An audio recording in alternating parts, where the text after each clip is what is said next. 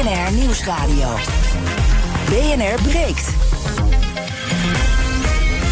Ivan Verrips. Goedemorgen en welkom. Vanaf half twaalf praat ik over het nieuws van de dag. Over windmolens, want fabrikanten zien bijna geen nieuwe bestellingen meer binnenkomen. En dat terwijl we in Europa allemaal ambitieuze verduurzamingsplannen hebben. En over geld. Politieke partijen gaven bij de afgelopen verkiezingen tonnen en soms zelfs miljoenen meer uit aan hun campagne dan bij vorige verkiezingen. En dat was niet altijd met evenveel succes. Dat bespreek ik zometeen met mijn panelleden. Vandaag Youssef Kobo, directeur van A Seat at the Table... organisatie die jongeren helpt om ja, eh, in contact te komen met het bedrijfsleven. Goedemorgen. Goedemorgen. Fijn dat je er bent. En Bob den Oude, voorzitter van de Jonge Socialisten... de jongere partijgeleers aan de PvdA. Goedemorgen. Goedemorgen. Goed dat je er bent. We gaan beginnen met... BNR breekt. Breekijzer. En het breekijzer heeft te maken met lonen. Werknemers en vakbonden willen de inflatie volledig gecompenseerd zien. Zo ook bij de ziekenhuizen. Ziekenhuispersoneel vraagt om een loonstijging van 12,5 procent. Maar er is een probleem. De ziekenhuizen kunnen het simpelweg niet betalen. Blijkt vandaag uit onderzoek van ABN AMRO. Het is een kwestie, een gat van honderden miljoenen euro's... zegt sector-econoom Anja van Balen van ABN AMRO. Dan zijn inderdaad de kosten veel hoger dan de vergoeding die ze ervoor krijgen. Dan krijgen ze 1,2 miljard te weinig. En dan duwt het te verliezen in de 700 miljoen op jaarbasis. Ja, dat is nogal wat. En veel sectoren zitten met hetzelfde probleem. Afgesproken loonstijgingen en ook nieuwe cao-onderhandelingen op komst. En dus zien werknemers en vakbonden hun kans gewoon... om daar flink wat geld uit te persen, uit die werkgever. Maar is dat wel zo realistisch? En kan je dat wel eigenlijk verwachten... dat die werkgever dat allemaal even oplost? Ons breekijzer vandaag. Werknemers moeten accepteren... dat volledige inflatiecompensatie onhaalbaar is. Wat vind jij? Ben je het eens? Moeten werknemers niet zoveel uh, vragen van de hand die hen voedt? Of misschien ben je het oneens, want vind je dat inflatiecompensatie gewoon moet kunnen. Bedrijven schroeven immers ook hun prijzen op en uh, ja, geeft dat personeel gewoon meteen meer geld. Ik ben heel benieuwd hoe jij erover denkt. Pak je telefoon en bel naar 020 468 4x0. Dan kom je zo meteen bij ons in de uitzending. 020 468 4x0. Normaal kan je ook stemmen op Instagram, maar Marijn is ziek, dus daarom kan het vandaag niet. Zometeen hoor je hoe mijn panelleden erover denken, maar ik begin bij Pascal Besselink, advocaat arbeidsrecht bij DAS en Jannes van der Velde van de Algemene Werkgeversvereniging Nederland, de AWVN. Goedemorgen. Goedemorgen. Ehm, Goedemorgen. Pascal, maar eerst eventjes. Werknemers moeten accepteren dat een volledige inflatiecompensatie onhaalbaar is. Wat vind jij? Ja, goed. Wat ik vind is eigenlijk niet zo uh, belangrijk. Ik denk dat het met name belangrijk is wat, wat, wat is daar nu in de regelgeving over bepaald. -hmm. En in, in, de wet is daar eigenlijk niets over geregeld. Althans, de wet regelt niets over salarisverhogingen. We hebben uiteraard wel de wet minimumloon. Hè, en die wordt uh, twee keer per jaar uh, aangepast. vaak gaat daar een procentje of zo bij. En dan hebben we nog de CAO die gewoon gevolgd moet worden. Dus dat zijn de verplichtingen die op werkgevers rusten. maar een, een verplichting die werknemers richting werkgevers kunnen af dwingen dat ja, de huidige inflatie volledig wordt uh, gecorrigeerd. Ja, die, uh, die is niet mogelijk. Dus met andere woorden, dat, uh, dat kunnen ze niet afdwingen. Nee, oké, okay, dat gaat niet. Dan wil ik zo meteen van jou horen of er nou bijvoorbeeld ook heel veel zaken zijn nu bij jullie waar je mee te maken hebt waar dit soort, waar dit soort dingen spelen. Eerst even naar Jannes van der Velde van de AWVN. Ik kan wel raden wat jij denkt. Werknemers moeten accepteren dat volledige inflatiecompensatie onhaalbaar is. Ja, daar zijn we het uiteraard van harte mee eens. Uh, want als uh, het wel volledig vergoed wordt, dan gaat het in heel veel gevallen ten koste van de gezondheid van het bedrijf. En dat is ook niet in het belang van de werknemers. Ja. Zou je dat in de ideale situatie eigenlijk wel willen? Of zegt u, ja, wij werkgevers zijn, niet, uh, zijn gewoon principieel niet alleen verantwoordelijk voor de koopkracht van werkenden? Nee, dit is geen, geen principe kwestie. Je ziet uh, gelukkig ook wel dat heel veel werkgevers er wel iets aan willen, willen doen voor zover het binnen hun mogelijkheden ligt. Er worden, er worden afspraken gemaakt, bijvoorbeeld, waarbij een uh, loonsverhoging niet alleen maar bestaat uit een percentage, maar ook uit een vast bedrag. En dat komt uh, relatief sterk ten goede aan de lagere inkomensgroepen. Mm. En daar vallen de hardste klappen. Ja, toch als je naar de cijfers kijkt, en dat zijn cijfers van jullie zelf... De lonen van werknemers voor wie in vorige maand in september... nieuwe CO werd afgesloten, die zijn dan gemiddeld met 4,4% gestegen. Yes. Maar ja, de inflatie was 14,5% Ja. Ja, ja, dat is natuurlijk heel spijtig voor de, voor de werknemers die het betreft. Maar, maar, maar daar, daarbij moet je ook, ook goed realiseren hoe dat cijfers, hoe zo'n CO-afspraak tot stand komt. En dat is een onderhandeling, dat is een afspraak tussen een werkgeversonderhandelaar en een vakbondsonderhandelaar. En met name ook die, die tweede categorie, die vakbondsonderhandelaars, die vinden dit klaarblijkelijk ook wel verstandige afspraken. Dus die snappen ook heel goed dat als ze overvragen en, en, dat, en dat hard spelen, dan mm -hmm. kan dat hele vervelende gevolgen hebben op langere termijn. Ja. Dat is een uh, les die we geleerd hebben uit de geschiedenis. Ja, en historisch is die 4,4 ook best veel, hè? Ja, dat, Is, uh, dat, is, dat is eigenlijk ongekend. Als je dat, dan moet je terug naar, naar de jaren 80 of zelfs de jaren 70 van de vorige eeuw... dat je gemiddelde zag van dat niveau. Ja, Oké, ik wil zo meteen nog even bespreken met u... wat we dan van werkgevers mogen verwachten eigenlijk... en waar dan ja, hun verantwoordelijkheid eindigt en die voor ja, wie eigenlijk begint, de politiek misschien. Eerst nog wat je in het panel. Uh, Bob, ons breekijzer. Werknemers moeten accepteren dat het volledige inflatiecompensatie onhaalbaar is. dat lijkt me totaal belachelijk. Oh, ik heb een beetje het idee dat uh, de werkgevers denken dat al die economische wetten niet, uh, er niet voor hun zijn. Het is volgens mij gewoon vraag en aanbod. Ja. En op dit moment. Maar dat zien we en dan komt het uit op 4,4. Dus. Nou ja, nog niet eens. Het gaat, wordt alleen nog maar meer natuurlijk. Want dat ja. arbeidstekort is er nu voor het eerst ooit. Dat er meer vacatures zijn dan überhaupt mensen die werk zoeken. Dat gaat alleen nog maar meer worden. Dat gaat alleen nog maar erger worden kan er beter alvast aan wennen. En uh, het lijkt me heel erg goed dat werknemers die kans een keer pakken om die lo uh, loonstijgingen door te voeren. Ja, maar Jannes van der Velde zegt net, het kan simpelweg niet. Nou ja, veel die, die, zegt dat het slecht is voor de gezondheid van het bedrijf. Ja. Volgens mij is het vooral slecht voor de winstgevendheid van het bedrijf. En die ziet het dividend van zijn eigen.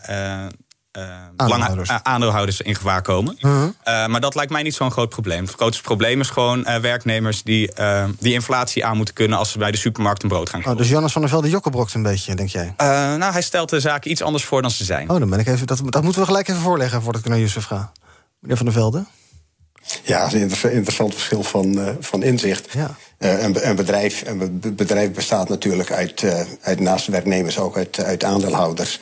Um, ja, en, en de gezondheid van een bedrijf die wordt inderdaad voor een belangrijk deel bepaald ook door de, door de winstgevendheid. Niet, mm. niet zozeer op korte termijn, op, uh, op lange termijn. Dat is natuurlijk, natuurlijk iets om in de, in de gaten te houden.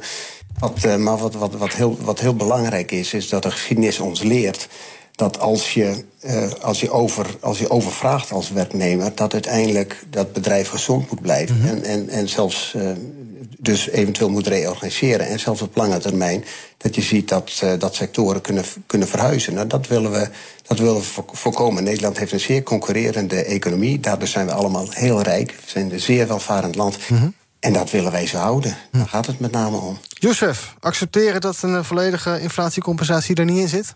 Ja, ik, heb, nee, ik heb niet zo goed opgelet wat de gemiddelde stijging zou zijn van de loonkosten hier. Maar in ja. België gaan we in januari richting plots 12% erbij. Uh, dus in, in dat scenario zou ik zeker uh, zeggen van werknemers en werkgevers gaan elkaar tegemoet moeten komen. Ja. Ook hier, ik geloof dat, dat hier het verhaal was plus 4%. Uh -huh, 4 plus 4 procent, ja. ja. Dat, dan, dan gaat het niet meer over de... Als je de gemiddelde marges kent bij middelgrote en grote bedrijven... Uh, plus 4 procent loonkost, dat, dat, dat dan gaat het niet meer over de winstgevendheid van het bedrijf... maar dan gaat het wel degelijk over de gezondheid ja. van het bedrijf. Dus- dat, dat zijn de grote bedragen.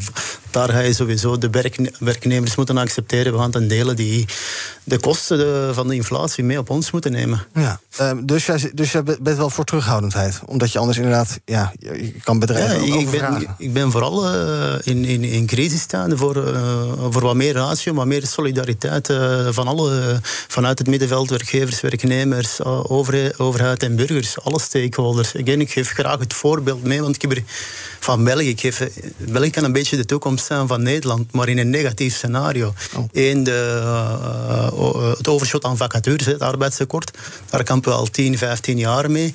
En uh, significant, er is een enorme mismatch. 150.000 vacatures geraken niet ingevuld. Dat betekent een grote rem op onze economie, maar tegelijkertijd ook heel wat spanning op, uh, op arbeiders, op werknemers. Uh, twee, wij, wij zijn het enigste land in de wereld met een automatische indexering. Mhm. Mm -hmm. Wat betekent dat concreet? Hè? De, de cao's, de loonakkoorden die gesloten worden tussen de sectoren en de werknemers, die volgen uh, het ritme van de inflatie. Dus wat betekent dat concreet in België in januari?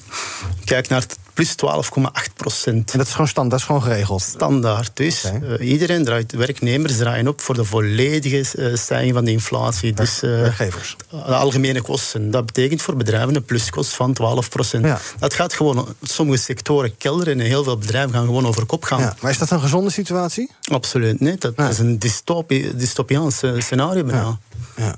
Um, uh, Pascal, uh, bijvoorbeeld, ik kijk ook even naar de uh, universitaire ziekenhuizen. Die hebben al in hun CAO staan, die vorig jaar wordt afgesloten, dat lonen meestijgen met de inflatie. Kan je dan nog terugkrabbelen als je dat al afgesproken hebt en je zegt van ja, dit is toch niet haalbaar of dit is zo absurd? Is er wat te doen nog dan?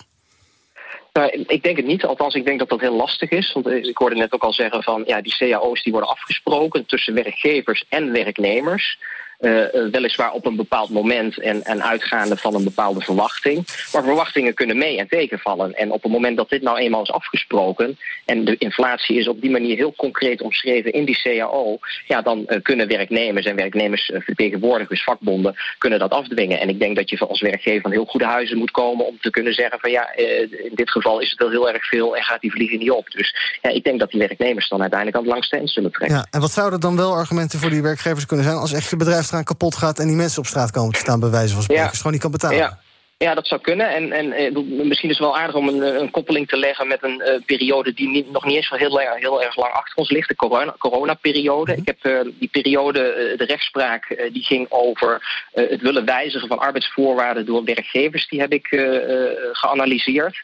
er waren bedrijven die op een gegeven moment loonoffers vroegen, of die wilden de arbeidsvoorwaarden verwijzigen, of die wilden de lonen iets naar beneden bijschroeven. Nou, donkerrode lijn was dat rechters zeiden, dat gaat niet. Dit is een bedrijfsrisico. Dus met andere woorden, ook op dat moment ja, uh, konden, konden werkgevers omgekeerd ook niet uh, doen wat werknemers misschien nu wel zouden willen doen, namelijk die volledige inflatie gecorrigeerd krijgen. Dus ja, het spel werkt wel twee kanten uit. Ja. Uh, ondertussen ja, koelt die inflatie een beetje af voor vanochtend, althans ietsje. waarschijnlijk Europese cijfers. er zijn altijd vrezen voor loonprijsspiraal, dat soort zaken. Maak jij daar zorgen om, Bob? Dat je zegt van ja, je kan, de, je kan de lonen nu wel gaan verhogen, maar dan gaan die mensen meer uitgeven, dan gaan de prijzen omhoog, dan gaan de lonen weer omhoog, dan gaan de prijzen omhoog. Ja. Nou, nee, eigenlijk niet. Ik denk dat je in Nederland nu al ziet... de inflatie is meer dan 10% en de verhoging is iets meer dan 4%. Dus eigenlijk ben ik feitelijk aan het pleiten voor dat we iets meer naar die 10% gaan... en dat men, eh, de werknemers zich bewust van de kans zijn die ze nu moeten pakken. Maar dat gaat niet tot een loonspiraal leiden. Want we gaan niet zo, zulke heftige situaties als in België... waar, de wettelijke, uh, waar wettelijk geregeld is dat die uh, eh, 10% gehaald zou moeten worden. Zou je dat wel willen, of niet? Nou, het, het, zou een keer leuk zijn, zeg maar. Ja, maar voor jou. Maar ik bedoel, meer zou dat, nou, zou ik denk, goed zijn voor het land? Uh, nee, ik, uh, nee, dat denk ik niet. Maar ik denk, ik denk dat, je, dat je nu gewoon gebruik moet maken van de uh, arbeidspositie die je hebt als werknemers. Dat is vooral waar ik vanuit ga. En niet per se dat je dat nu in de wet zou moeten regelen. Dat lijkt me onverstandig. Meneer Huigens, goedemorgen. Goedemorgen. Zegt u het maar. Een heel groot probleem. Maar we zullen toch uit moeten komen. Als je ziet dat het personeel uh, wat in de eerste leven hoeft werkt steeds minder animo heeft om daar te werken. Mhm. Dus er moet er toch iets bij kunnen.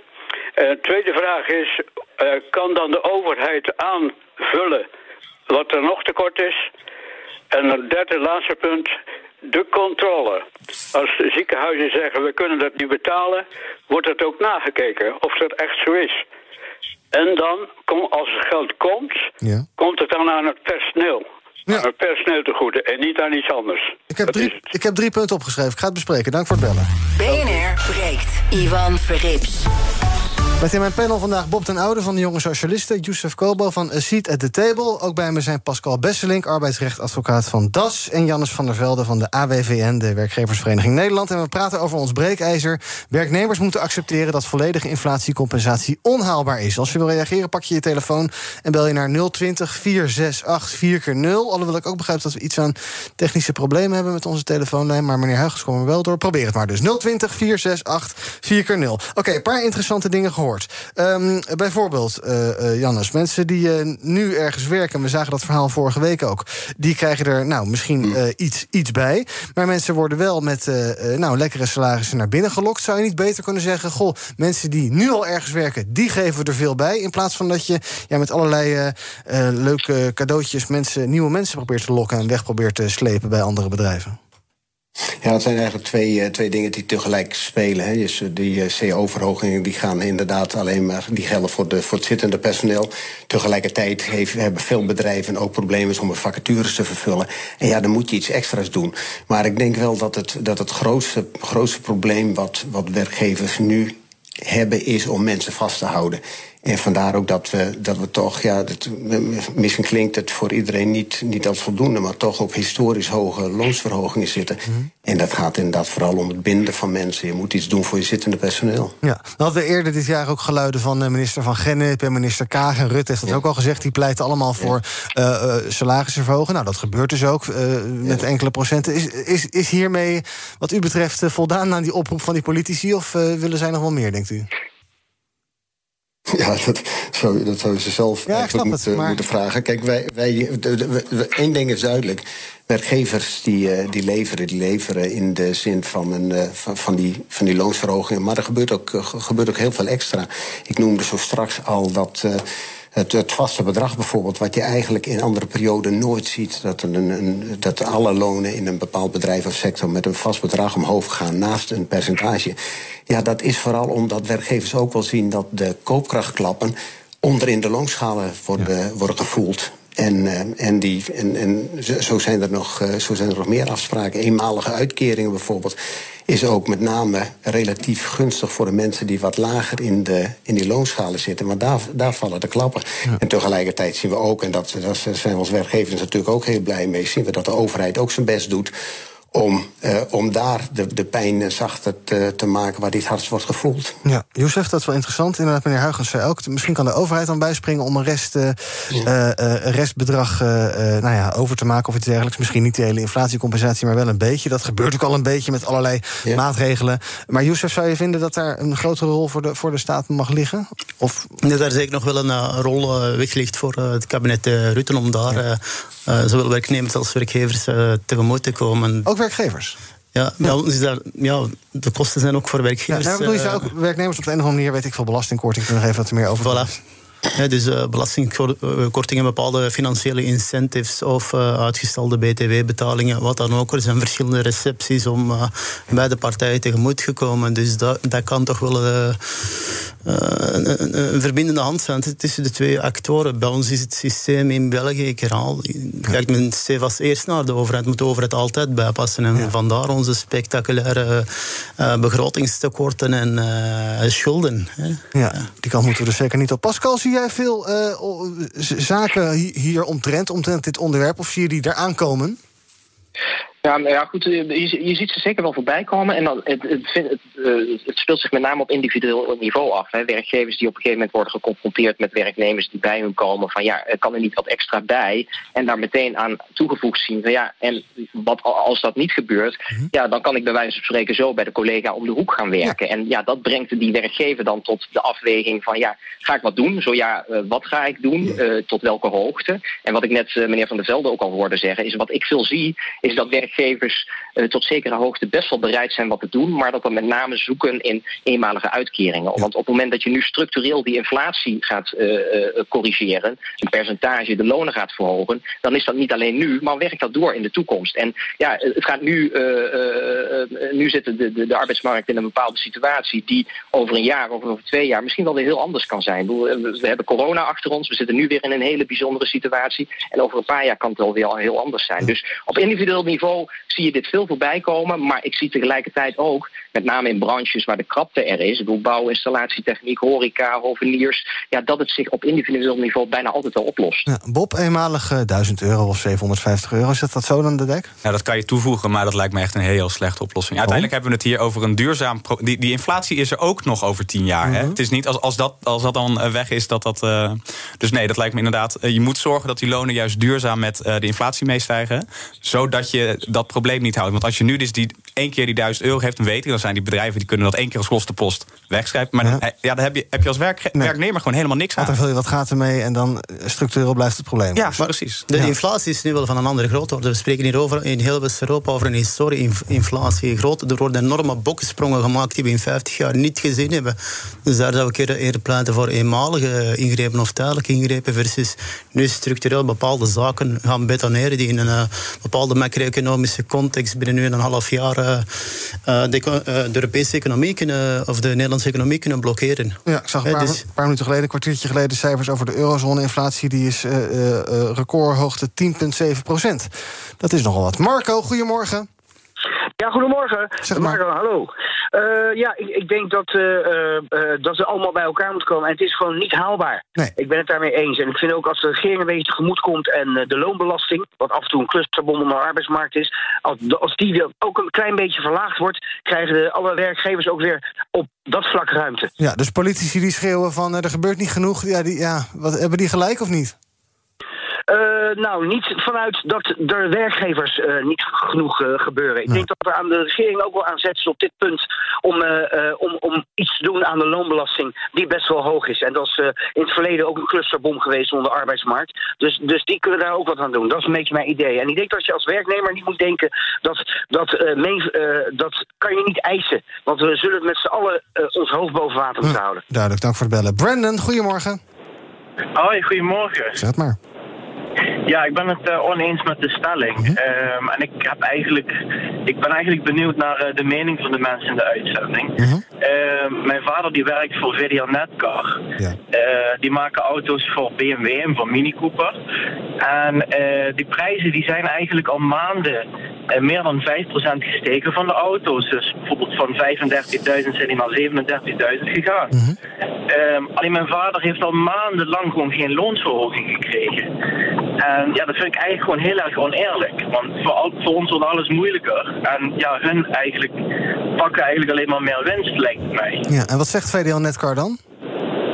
Uh, helemaal niks. Daar, is nog helemaal geen sprake van. Nee, nee maar nog meer, uh, waarom krijgt hij er niks bij? Want er wordt gewoon niet over gesproken. Er wordt gewoon niet over gesproken. Er zijn vragen maar er wordt niet op geantwoord van ja, de behandeling en we gaan maar kijken. Ja. Ja, maar dat wil ik even voorleggen ook aan Jannes. Eh, wat, uh, wat, ja, wat is jouw reactie hierop? Ja, ik ken, de, ik ken natuurlijk de, het geval van VDL niet in de, in de praktijk. Maar, eh, maar, maar ik weet wel dat, dat loonsverhogingen er worden meestal één keer per jaar of één keer per twee jaar afgesproken. Dus het zal wel een algemene loonronde zijn. En afgezien daarvan ziet ook zo'n fabriek de andere kosten, met name die kosten van grondstoffen, enorm stijgen. Hm. Ja, dat, is een, dat, is, dat is een hele, hele, belangrijke, hele belangrijke factor. Ja, is het trouwens sociaal, Bob, om te zeggen tegen je baas... ik wil er meer geld bij en anders bekijk je het maar... dan ga ik bij de buurman aan de slag? Een beetje, een beetje een, uh, onder druk zetten, toch? Chantage. Ja, nou ja, is dat chantage? Is dat niet gewoon gebruik maken van je marktpositie... wat eh, bedrijven ook altijd doen? Nou, maar dan moet je gewoon gaan. Dan moet je er niet gaan dreigen, want ik wil er geld bij en anders. Nou, poe, poe, poe. Nou ja, dat doe je als bedrijf toch ook. Je gooit je product toch ook voor een bepaalde hoeveelheid eh, aan prijs in de markt. En, dat, en als je het dan niet koopt, nou ja, prima. Maar nee, dat, dat zie ik niet zo. En wat ik, wat ik eigenlijk inderdaad... ik vind het een heel schrijnend voorbeeld van wat Brendan nou mhm. eigenlijk vertelt. Want je hebt hier nu iemand uh, die werkt in die fabriek. En die maakt zeg maar een auto. En die ziet die auto steeds worden. Elke maand weer. Ik denk dat dat een heel uh, concreet. Uh, treurig schijnend voorbeeld is uh, van waarom je die inflatie uh, dus wel moet doornemen in de, in de loonstijging. Ja, Pascal, kan de vader van Brandon iets doen? Je hebt natuurlijk geen recht op meer loon als, uh, als het product dat je maakt duurder wordt, bij wijze van spreken. Nou, we hebben natuurlijk de verschillende stappen eh, in de uitzending al voorbij zien komen. He, afdwingen gaat niet op individueel niveau. Ik weet niet hoe het zit met het doel. Het is natuurlijk een bedrijf waar ook vakbonden aan tafel zitten... die periodiek overleggen over loonsverhogingen. Misschien dat dit aanleiding geeft om tussendoor uh, te gaan praten. Daar zitten de mogelijkheden, maar individueel afdwingen... ja, dat zal niet gaan. Tenzij deze meneer uh, bij wijze van spreken bij eh, de, de, de, de, de, het bedrijf wat, wat iets verderop zit uh, aan de slag zou kunnen gaan, ja, dan zou die kunnen zeggen: de, ik, ik kan daar meer verdienen en ik ben weg. En misschien krijgt hij er dan op individueel niveau uh, wat bij. Dus het, het blijft heel erg individueel en kijken naar de concrete situatie. Maar ja, afdwingen, afdwingen zal niet gaan. Nee. Tot slot, Jannes, is, het, is de koek wel een beetje op bij, bij werkgevers? Kunnen we daar weinig meer van verwachten? Of zit er ook nog wel nou ja, verrassingen in de positieve zin in het vat? Oh, diepe zucht hoor ik, geloof ik. Oh, Jannes is al weg, of niet? Die is... Uh... Jannes? Nou, die is net zo geschrokken van die uh, getallen, denk ik. Mag ik dan ook nog wat op zeggen? Ja, kom maar dan op. Ja, nou ja, dan wil ik graag zeggen dat het bij de werknemers volgens mij ook niet zoveel meer in het vat zit. Dus dat zo'n inflatiestijging dan prima goed gaan. Ja, oké. Nou, we moeten ergens toch in het midden uit gaan komen, denk ik, Youssef. Ja, nee, ik, ik wil het punt dan nog maken richting Marco toe. Uh, je hebt overal hetzelfde fenomeen. Uiteraard per sector, maar de automobielen, zeker de meeste sectoren. Één, de grondstoffen zijn gestegen, de energieprijzen zijn gestegen. En drie, de loonkosten zijn enorm gestegen. Daarnaast heb je nog de collapsing supply chains. Dus het, is gewoon de perfect storm. En daar ga je ergens toch wel een middenweg moeten vinden tussen beide actoren. Je, je kan niet plots alle druk op één van de twee spelers nee. uh, naar één van de twee spelers verschuiven. Daar ga je gewoon realistisch in moeten zijn. En het blijft moeilijk. Hè. Dus we moeten allemaal een beetje klappen ontvangen. Ook wij. ook. Aan, vrees ik allemaal moeten incasseren. Uh, ik dank voor nu Pascal Besselink, arbeidsrechtadvocaat bij DAS... en Jannes van der Velde van de AWVN. Zometeen gaan we verder praten met uh, mijn twee panelleden... over het nieuws van de dag, over de Europese plannen om te verduurzamen... en of ze daar echt wel alles aan doen. Windmolenfabrikanten zeggen van niet. En Het is heerlijk warm zo voor eind oktober. Ja, Helga van Leur is terug. Schildstookkosten, maar dat blijft natuurlijk niet zo. Maar niet met zomaar een weerbericht. Hoor je allemaal zo meteen. Bij BNR ben je altijd als eerste op de hoogte van het laatste nieuws. Luister dagelijks live via internet. Jelle Maasbach, Wesley Weert. We zijn er voor je met het leukste, opvallendste, maar natuurlijk ook het belangrijkste nieuws. Tijdens de presentatie van die halfjaarcijfers toen die beurskoers in elkaar kukkelde. BNR Beurs. Voor de slimme belegger. Blijf scherp en mis niets. Blijf scherp. BNR Nieuwsradio. BNR breekt. Ivan Verrips. Welkom terug in mijn panel vandaag. Youssef Kobo, directeur van A Seat at the Table. En Bob den Oude, de voorzitter van de Jonge Socialisten. Wij gaan praten over het nieuws van de dag. Te beginnen met de energietransitie. Natuurlijk een hot topic. Europa heeft ontzettend veel allerlei duurzame plannen. Toch wat lijkt, er worden nauwelijks windmolens besteld... merken de fabrikanten van die dingen. Dit jaar werden er ruim een derde minder windmolens besteld... vergeleken met vorig jaar.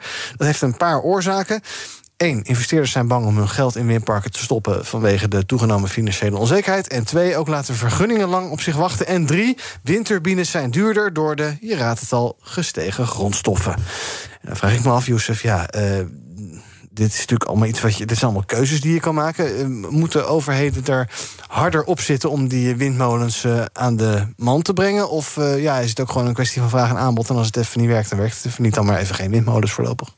Ja, twee elementen. Hè. Dus om de algemene context te geven, dit past natuurlijk in het verhaal van Fit, 50, Fit for 55 van Hans, uh, Frans Timmermans, commissaris, die Europa richting en Nederlander uiteraard, die de Europese Unie naar lidstaten richting een meer duurzame economie wilt sturen. Maar uh, ik zit hier natuurlijk vandaag ook bij jullie om een beetje de, de geruchten vanuit Brussel uh, oh, met jullie mee te delen. Vertel, vertel, vertel, vertel. vertel, vertel. En uh, daar zie je de afgelopen weken en maanden heel veel beweging vanuit, laten we zeggen, de, de cenakels rond Business Europe. Wat is Business Europe? De koepel van alle werkgeversorganisaties. En goed om weten, Business Europe is uh, ook altijd een grote speler geweest in, uh, bij de grote be beslissingen en uh, de samensmelting van EU en alle grote sprongen die er de afgelopen decennia zijn geweest. Mm -hmm. Dus eigenlijk alle grote giganten, multinationals in Europa die samenhokken om wetgeving en de lidstaten wat meer richting hun kant te krijgen. Ja. En er is de afgelopen maanden heel wat druk op de plannen van Timmermans en van de commissie van der Leyen om uh, die strengere regelgeving die, uh, die vorig jaar is uh, toegelicht, ja. om dat terug, terug te schroeven. dus daar staat heel wat druk op. Waarom? Natuurlijk ja, twee, twee jaar COVID, de collapsing supply chains, het gedoe met Rusland, Oekraïne, de energieprijzen, daar ziet men van. Men krijgt daar de eerste signalen, we gaan het daar later in de uitzendingen over hebben dat grote spelers gaan vertrekken of andere oorden gaan zoeken. Want ja. het, wordt, uh, het wordt niet meer haarbaar, die uh, klimaatdoelstellingen. En dit is daar ook een verhaal van. Het, uh, het verhaal van de windmolen parken niet van de grond geraken, die niet rendabel zijn enzovoort. Heel dat Fit for 55 uh, blijkt in duigen te gaan vallen. Oh. Het is niet haalbaar, het is niet rendabel binnen de huidige macro-economische context.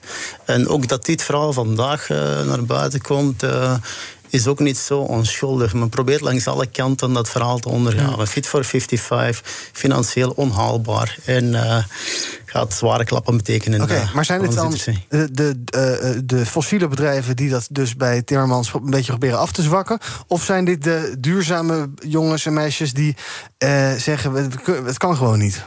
Of is het allebei? Uh, ik denk vooral het eerste. Hè. Ja. Uh, de, de, de, usual suspects, ja, die lobbyen tegen strengere wetgeving. Ja.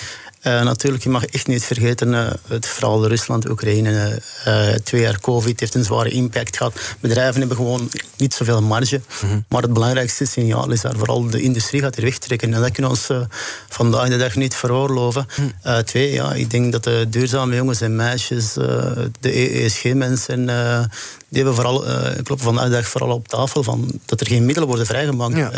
binnen het bedrijfsleven om die doelstellingen waar te maken. Dus het wordt een beetje een warrig verhaal. Ik ben zeer benieuwd wat er van gaat komen.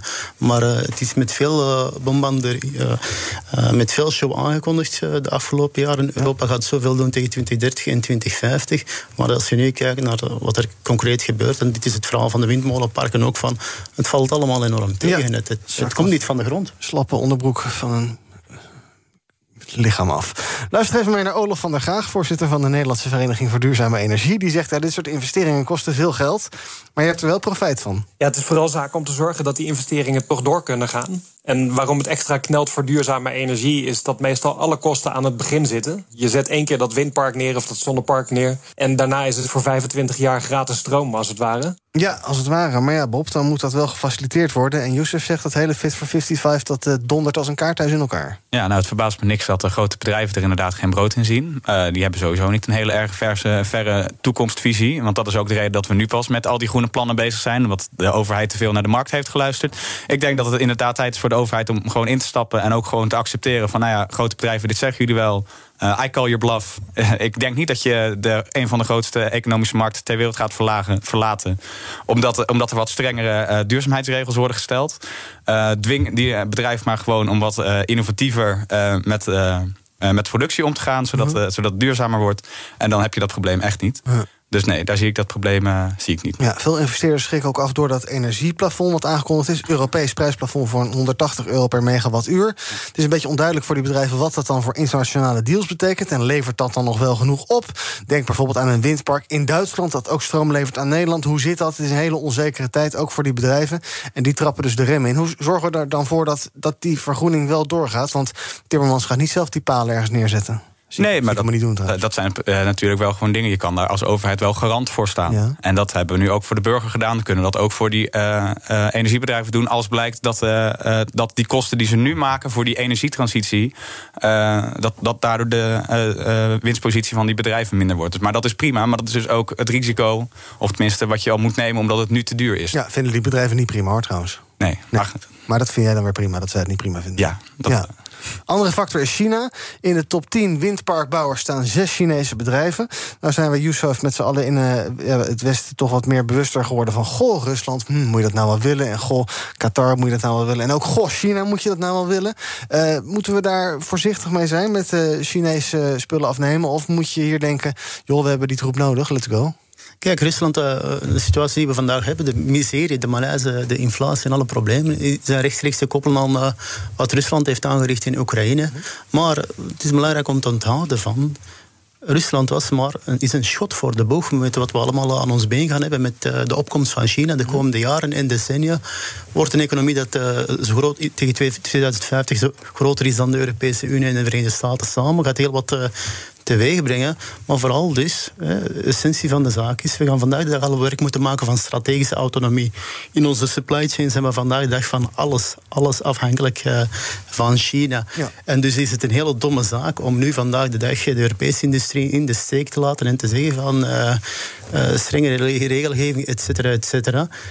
En uh, ja, die gaan allemaal andere, die gaan allemaal andere orde opzoeken. Ja. Maar tegelijkertijd, het, het, is vandaag de dag de les die we moeten trekken vanuit Rusland, Oekraïne. We hebben 30 jaar gedacht van de geschiedenis staat stil. Uh, uh, er gaat niks wild meer gebeuren. De les van Rusland en de, de destabilisatie dat heeft voortgebracht voor onze economie. We voelen het vandaag dag allemaal, hè, met die dalende koopkracht, mm. energieprijzen enzovoort. Maar het is nog maar een tiende wat we de komende jaren gaan meemaken ja. met China, die zich meer als elleboog gaat gebruiken. Dus strategische autonomie moet op het voorgrond op alle, alle vlakken. Ja, wordt dan wel nog duurder. Nee, uh, ik, uh, ik denk dat je nu precies de verkeerde les uit uh, oh. China trekt. Ik denk dat je nu precies. We hebben de zonnepanelenmarkt ooit verlaten omdat we niks meer. Of de, omdat we daar geen, geen, geen heil in zagen. Ja. Hè? En dat gaan we nu dan blijkbaar ook weer met de windmolenmarkt doen. Dat -huh. lijkt me een heel slecht idee. En dat is dus precies de reden waarom China Europa binnenkomt. Omdat wij nu weer die windmolenindustrie eigenlijk wat het is in de steek gaan laten. Ja. In plaats van dat we die gaan subsidiëren. Maar van waar komen al die windmolens? Nu uit China. Ja, precies. Ja. Dus die moet je dan zelf gaan maken. Ja, dus dan moeten we dan flink gaan stimuleren. Dat exact. Gaan doen. Dus terug investeren in de industrie. In onze ja, industrie. In onze industrie, exact. zeker. Bij BNR ben je altijd als eerste op de hoogte van het laatste nieuws. Luister dagelijks live via internet. Jelle Maasbach, Wesley Weert. We zijn er voor je met het leukste, opvallendste, maar natuurlijk ook het belangrijkste nieuws. Tijdens de presentatie van die halfjaarcijfers toen die beurskoers in elkaar kukkelde. BNR Beurs. Voor de slimme belegger. Blijf scherp en mis niets. BNR breekt. Uh, laten we het even hebben over politieke campagnes en het daaraan verbonden. Money, money, money. Ja, uh, bij politieke partijen is dat ook niet ontgaan. Vorig jaar is er door partijen diep in de buidel getast... bij de campagne voor de Tweede Kamerverkiezingen. Verschillende partijen hebben enkele tonnen... en soms zelfs wel tot 2 miljoen euro meer uitgegeven aan hun campagnes... dan in 2017. Blijkt uit een uh, diepgravende studie van de Telegraaf... waarbij ze allerlei jaarrekeningen uit elkaar getrokken hebben. Mede door subsidies en giften konden partijen veel meer uitgeven...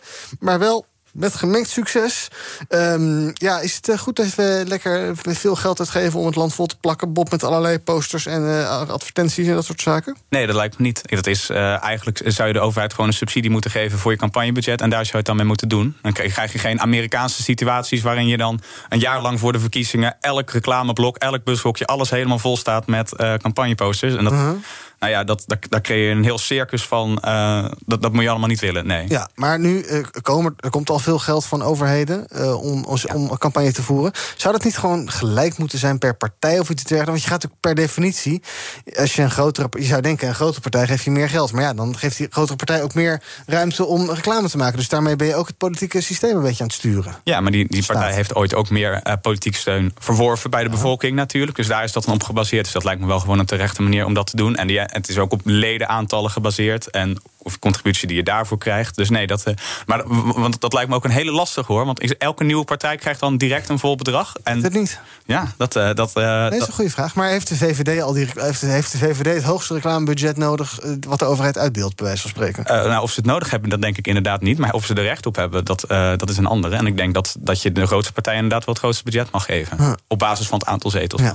En, moet je, en dan moet je als PvdA beter je best doen. Dus moet je proberen ja. die euro's nog efficiënter in te zetten en meer mensen te bereiken. Nou ja, ik denk... Of is een beter verhaal uiteindelijk nog gewoon het beste? Ja, nou ja, ik denk dat je dat in, nou ja, ik denk dat we dat precies zien met dit uh, krantenartikel. Dat je inderdaad, ongeacht of je nou veel spendeert of niet, als je verhaal niet aanslaat, of in ieder geval geen stemmers overtuigt, uh, dan hou je het alsnog niet. Dus ik vind het ook een beetje een verkeerd frame daarin. Dat ik denk van ja, jongens, het is inderdaad zo. Het is absoluut een voordeel. Die mensen op het VVD-hoofdkantoor zitten een stuk prettiger in hun baan dan. Uh, de bal uit de broek. Exact. Maar dat, dat maakt nog niet dat ze een onhaalbaar voordeel hebben, waardoor de democratie niet meer functioneert. En dat is ook wel iets wat sommige partijen soms zeggen. En dat is echt absoluut niet het geval. Nou, hoe zit het in België, Jozef? Hoe zit die financiering van campagnes in elkaar? Ja, België, België is natuurlijk een zeer pijnlijk voorbeeld. We hebben partijdotaties waar het, uh, de uitgaven eigenlijk volledig door de overheid worden, uh, wordt, wordt bekostigd. Langs de ene kant goed, onpartijdigheid. bedrijven kunnen daar niet op inkomen, privé-investeerders kunnen daar niet op inkomen of wat dan ook. langs de andere kant is het Nederlandse systeem veel interessanter met lidmaatschappen. Ja. Wat betekent partijdotaties? wij hebben een van de grootste uitgaven, of ik geloof de grootste uitgaven in West-Europa. Want de partijen beslissen elke vijf jaar wat ze zelf gaan uitgeven. Ja, ja. En dus we geven in België, de Belgische partijen geven jaarlijks 70 miljoen euro uit. Een fenomenaal bedrag voor een klein, klein, klein land. Een zeer klein land. En dus je ziet ook de, de, de stijging van de uitgaven van politieke partijen is een tendens over heel West-Europa. Uh, die, die eigenlijk in crescendo de afgelopen jaren is aan het gaan. En waarom? Partijen geven veel meer uit aan sociale media en communicatie. Dus het is niet meer uh, studie, studie-expertisecentrums of wat dan ook, ja. Eh, studiebureaus enzovoort. Het gaat niet meer over inhoud, over beleid, maar vooral communiceren, communiceren, communiceren. En daar moet je de vraag stellen van wat is daar nog de meerwaarde van en waar moet je een eh, cap op zetten? Hè? En levert dat wat op of hangt gewoon het hele jaar uh, het hele land vol met posters van politieke partijen en uh, ja, ben je er ook een beetje blind voor geworden? Het, het, het enige dat nog oplevert in België is gewoon dag en nacht reclamecampagnes op Facebook en Twitter en oh, Instagram. Je kan niet ook, ook, als er geen verkiezingen zijn, absoluut, altijd hoor. Absoluut, nee. we hebben het systeem van de peilingen per kwartaal door, door de grote kanten en mediazenders en wat dan ook. En de de voorlopige peilingen, die vier jaar lang tussen de verkiezingen gebeuren, per kwartaal of per half jaar, uh, die hebben dan een weerslag op het beleid, op, op de politieke verhoudingen, op de perceptie enzovoort. En onze partij en onze politie zijn als de dood voor de perceptie. Men wil altijd scoren, dus men is eigenlijk continu aan het communiceren en is niet meer met inhoud en beleid bezig. Hm. Dus uh, daar zou ik me toch voor behoeden. Het is niet omdat partijen meer middelen hebben, hè, zou ik ze in Nederland zeker, of Den Haag zeker voor willen behoeden. Het is omdat er veel meer uitgaven zijn, dat ook concrete resultaten oplevert. Ja, en wat je ermee doet, nou ja, ook het verhaal rondom de jettengelden in Nederland. Van goh, uh, misschien is meer geld voor politieke partijen best goed, maar zet het dan zinnig in voor onderzoek en voor ondersteuning van Kamerleden enzovoorts. In plaats van dat je er allemaal bushokjes van gaat volgen. Ja. Toch? Oké, dan gaan we nog even kijken naar wat jullie zelf opviel in het nieuws. Uh, Bob, jij wil graag naar Zuid-Amerika. Do fundo do meu coração, obrigado, meu Deus. E obrigado, povo brasileiro. Ja, obrigado, obrigado. Lula, die altijd klinkt alsof hij net een hele fles whisky achterover geslagen heeft. Ja, misschien is dat ook wel zo. Qua stemgebruik, misschien is het ook wel zo van de spanning. Want die keert, althans als het goed is, naar zijn positie waar hij eerder ook al zat. Die wordt opnieuw president. Ja. heb je wel iets gehoord van meneer Bolsonaro? Nee, hè? nee die is nog stil. En dat, is, dat maakt me nog wel een beetje zorgen natuurlijk. Want ik ben hartstikke blij dat we nu uh, weer een linkse president in uh, Brazilië hebben. Waardoor het hele Zuid-Amerikaanse continent weer redelijk uh, sociaal-democratisch vertegenwoordigd is. Mm -hmm. Maar ja, het, het, is wel een beetje een Amerikaanse situa situatie waar we op, mogelijk op afstevenen daar. Omdat ze nog twee maanden, dan zit die Bolsonaro daar.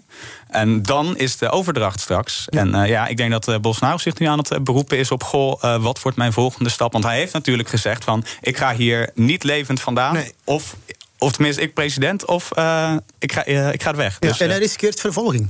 Ja, precies. Maar goed, dat doet Lula, Lula ook. Dus dat is dan weer. Uh, maar inderdaad, uh, Bolsonaro kan zichzelf natuurlijk niet, uh, niet meer zo makkelijk verdedigen als nee. president. en zijn vriendjes als minister van Justitie benoemen. Nee, hij riskeert vervolging. En wie doet mij dat nou denken? Nee, goed. Um, 50,6% van de stemmen, geloof ik. Ja. Zo is dat. Is echt wel een hele minimale minderheid. Ja. Nou. En je hebt een congres, geloof ik, wat niet echt aan zijn kant staat. Dat wordt een leuke tijd. Nee, en zijn vice-president is ook nog eens een centrumrechtse persoon. Dus dat wordt. maar het dat is dus in ieder geval. Uh, het scheelt wel dat er nu geen extreemrechtse president meer zit. Dat die Amazone nu in ieder geval niet extra ontbost wordt. Hm. Dat je nu in ieder geval. Uh, ik bedoel, honger in Brazilië was redelijk uitgeroeid toen uh, Lula in 2010 afstapte. Daar is nu weer een derde van de Brazilianen leidt weer honger. Nou ja, dat, is dan weer, dat zijn alweer gewoon dingen waar je mee aan de slag kan. Wat gewoon zes jaar is blijven liggen. Ja, en dat hij dus nu zes jaar kan oppakken. En daarna, nou ja, is maar zien hoe het loopt. 1 januari begint hij formeel, geloof ik. Ja. Okay. Justus, we het hebben over Bas F. Yes. Uh, Chemiebedrijf, dat gaat permanent inkrimpen? Ja, het afgelo afgelopen weken werd het financiële nieuws wat gedomineerd door uh, de implosie van de techgiganten. Uh, maar vorige week, hè, met de kwartaalresultaten, is er ook een heel interessant bericht vanuit Duitsland, vanuit het Rijnland, dat ons bereikt heeft. En dat is BASF. En dat is het grootste chemieconcern in de wereld, grootste petrochemiebedrijf in de, chemiebedrijf in de wereld, dat zei van, waar de CEO uh, Martin uh, Bruddemuller aankondigde van, wij gaan onze activiteiten in Europa drastisch terugschalen en wij gaan naar het buitenland. En dat is een zeer, zeer zorgwekkend verhaal, of toch een teken aan de wand, waarin een van de grootste bedrijven van Europa zegt van wij vertrekken hier de energieprijzen en de loonkost uh, zijn niet meer rendabel voor ons. Wij gaan onze activiteiten verplaatsen. Waarom is dat belangrijk? Eén, natuurlijk, een, heeft wel wat weerslag op de Europese economie. -hmm. En twee, natuurlijk, ja, de, de, Europese industrie is langzaam maar zeker aan het verdwijnen. We verliezen die aan China en aan het, en aan het zuiden. Net in tijden waar dat al iedereen het erover eens is, vriend en vijand, links en rechts, van dat we meer voor strategische autonomie moeten gaan. Ja. Dat we voor de korte keten, korte schakel moeten gaan. Dat we in crisistijden of bij conflictmomenten, die er absoluut gaan komen in de turbulente komende decennia en de conflicten met uh, het opkomende oosten, dat wij uh, van onze onafhankelijkheid werk gaan moeten ja. maken. En uh, dat is toch wel het bericht dat mij het meest is bijgebleven de afgelopen dagen en weken, waar we toch uh, zowel in Den Haag en Brussel uh, wat mogen over stilstaan en denken van ja, Europa en Nederland en België als industriële kerkhof, is dat nog wel interessant. Hm. Want, want waar wil meneer Broeder Muller dan heen? Die wil naar China of iets dergelijks? Ja, in China hebben ze net een plant van 10 miljard euro geopend. Dus ja. dat is een, een, een spectaculaire ja. investering. En daar geen gezeik met mensenrechten en hoge gasprijzen en weet ik veel. Maar ja, China wordt ook duurder, toch? Dus ze gaan tegenwoordig allemaal naar India, heb ik begrepen. Oh. China, dat is allemaal eigenlijk te duur. Dus is Apple ook niet al bezig om daar ja, een grote... iPhones in India te maken, ja. ja het, het, gaat er blijkbaar allemaal gemakkelijker, vlotter en goedkoper. Is dat een goede zaak of een eerbiedwaardige zaak? Uh, dat denk ik niet. Maar bottom, ja. we gaan er toch over moeten nadenken van... Uh, wat betekent dat concreet voor Europa in, in tijden van conflicten? Ja. dat we, je ziet het vandaag de dag gewoon van dat wij van onze, voor onze energievoorziening van een gek als Poetin afhankelijk zijn. En je ziet hoeveel pijn het ons vandaag allemaal oplevert individueel als burgers. Hoe snel, hè? vanuit het niks, boom, plus 12% uh, inflatie, België 16% hier. Net aangekondigd. 2030 ja, dan, dan, dan moet je eens nadenken of extrapoleren naar de nabije toekomst, wat er nog allemaal op ons afkomt. En er gaat zeer veel op ons afkomen. Wat betekent dat als wij voor alles afhankelijk zijn van uh, figuren als een uh, Poetin of een Xi Jinping, die ons uh, in, een, in een lok in een, houden, ons, ons, ja, ons, ons goed vast hebben. Ja, en dan, of het wel zo wenselijk is dat die bedrijven helemaal wegtrekken. Oké, we gaan even kijken wat er trending is op de socials. Onder andere hashtag WK Qatar is trending. Er is altijd veel te doen rondom het omstreden WK Qatar. En uh, zo is bekend geworden dat dit weekend bij de NOS... dat zo'n 50 oranje supporters hun kosten tijdens het WK-bezoek betaald krijgen door Qatar. In ruil daarvoor moeten ze op sociale media positief zijn over het verloop van het uh, toernooi. En moeten ze af en toe in vol ornaat verschijnen op de camera's. Tegelijkertijd blijkt uit onderzoek van Ipsos... dat een kwart van de Nederlanders niet van plan is om te gaan kijken... naar de wedstrijden, ook niet op tv. Ook is trending Rick Nieman, de presentator-journalist... heeft te maken met interview met Geert Wilders... tijdens zijn programma WNL op zondag. Klonk ongeveer zo. Zeker niet. En die ligt helemaal niet. Zeker wel. U zei toen dat ze niet welkom waren. U zegt nu dat ze wel welkom waren tijdelijk. Dat zijn twee verschillende dingen, meneer Wilders. tijdelijk welkom Dat zei u toch niet, hoor? u kunt het terugkijken op YouTube, wat u zelf zei. Oh, dat was fel. De oneenigheid ging over een uitspraak van Wilders... over de opvang van Oekraïnse vluchtelingen. Niemand drukte hem met neus op de feiten... maar twitteraars vinden ook dat Wilders niet de kans kreeg om uit te praten. En dan tot slot moeten we nog heel kort eventjes hebben over... Vandaag gaat de Nationale Klimaatweek van start. Een week waarin heel Nederland in actie komt en bespaart. Ja, de Nationale Klimaatweek. En daarom komt de NVDE, de Nederlandse Vereniging Duurzame Energie... met een energieweerbericht. Met het wekelijkse energieweerbericht houden we u op de hoogte... wat zon, wind en temperatuur gaat doen... zodat u erop kunt inspelen. Ja, nou sowieso leuk om Helga van Leur weer te horen met een hitmuziekje. Energieweerbericht, zodat jij kan afstemmen... wanneer je je auto moet opladen, je iPhone moet opladen... en je vaatwasser moet aanzetten. Goed idee? Ja, nou, ik heb het eerste nieuwsweerbericht ook uh, gezien, inderdaad. En het was, uh, nou ja, ik vond het wel leuk. En ja. het lijkt me inderdaad een hele goede manier voor uh, consumenten... om te besparen, zeg maar, huishoudens. Ja, moet Alleen... het wel zo werken, want nu werkt het niet zo hè, bij de meeste mensen. Als je, jou, je, je stroom is gewoon even duur de hele dag. Ja, ja precies. Nou ja, dat. En ik denk, maar ik denk ook dat het er een beetje van uitgaat... van ja, we gaan die klimaatcrisis wel oplossen... door nu met zo'n zo'n weerbericht al iedereen op te roepen... het, het, het gas een uurtje eerder uit te doen... of ander maniertje, op een ander dagje te gaan wassen. En ja. dat, dat vind ik een beetje afbreuk doen aan de heftigheid van de crisis waar we nu ja, in zitten. Okay. We hebben energieweerbericht. Frankrijk ook iets voor België, Jozef? Ja, dat lijkt me zeker interessant. Ja. Hè? Uh, de, de, de bevolking... idee, kan het idee gewoon kopiëren hoor. Gewoon Absoluut, ik zal, het, ik zal het morgen daar voorstellen. Maar uh, de bredere bevolking informeren over wanneer ze hun persoonlijke verbruik kunnen aanpassen. Lijkt me altijd een goed idee. Maar tegelijkertijd, ja, de meeste vervuiling is, ligt nog altijd bij de, de industrie. Hè? Ja. Dus uh, waarom geen energieweerbericht voor het bedrijfsleven? Shell, ja, goed idee. Alright, dank voor jullie aanwezigheid vandaag. Jozef Koba van A Seat at the Table. En Bob ten Oude, voorzitter van de Jonge Socialisten. Morgen ben ik er weer met BNR Break. Tot die tijd volg je ons via de socials. Zoek maar eventjes overal. We zitten wel op Mastodon al als Twitter-alternatief, maar doen daar nog niet zoveel. Dus je kan ons wel opzoeken daar. Maar nou ja, volg het maar gewoon. En uh, zometeen gewoon je radio aan laten staan, want dan is Thomas vanzelf hier met zaken doen. Dag. Wil jij als onder bij BNR ben je altijd als eerste op de hoogte van het laatste nieuws. Luister dagelijks live via internet. Jelle Maasbach, Wesley Weert. We zijn er voor je met het leukste, opvallendste, maar natuurlijk ook het belangrijkste nieuws. Tijdens de presentatie van die halfjaarcijfers toen die beurskoers in elkaar kukkelde. BNR Beurs. Voor de slimme belegger. Blijf scherp en mis niets.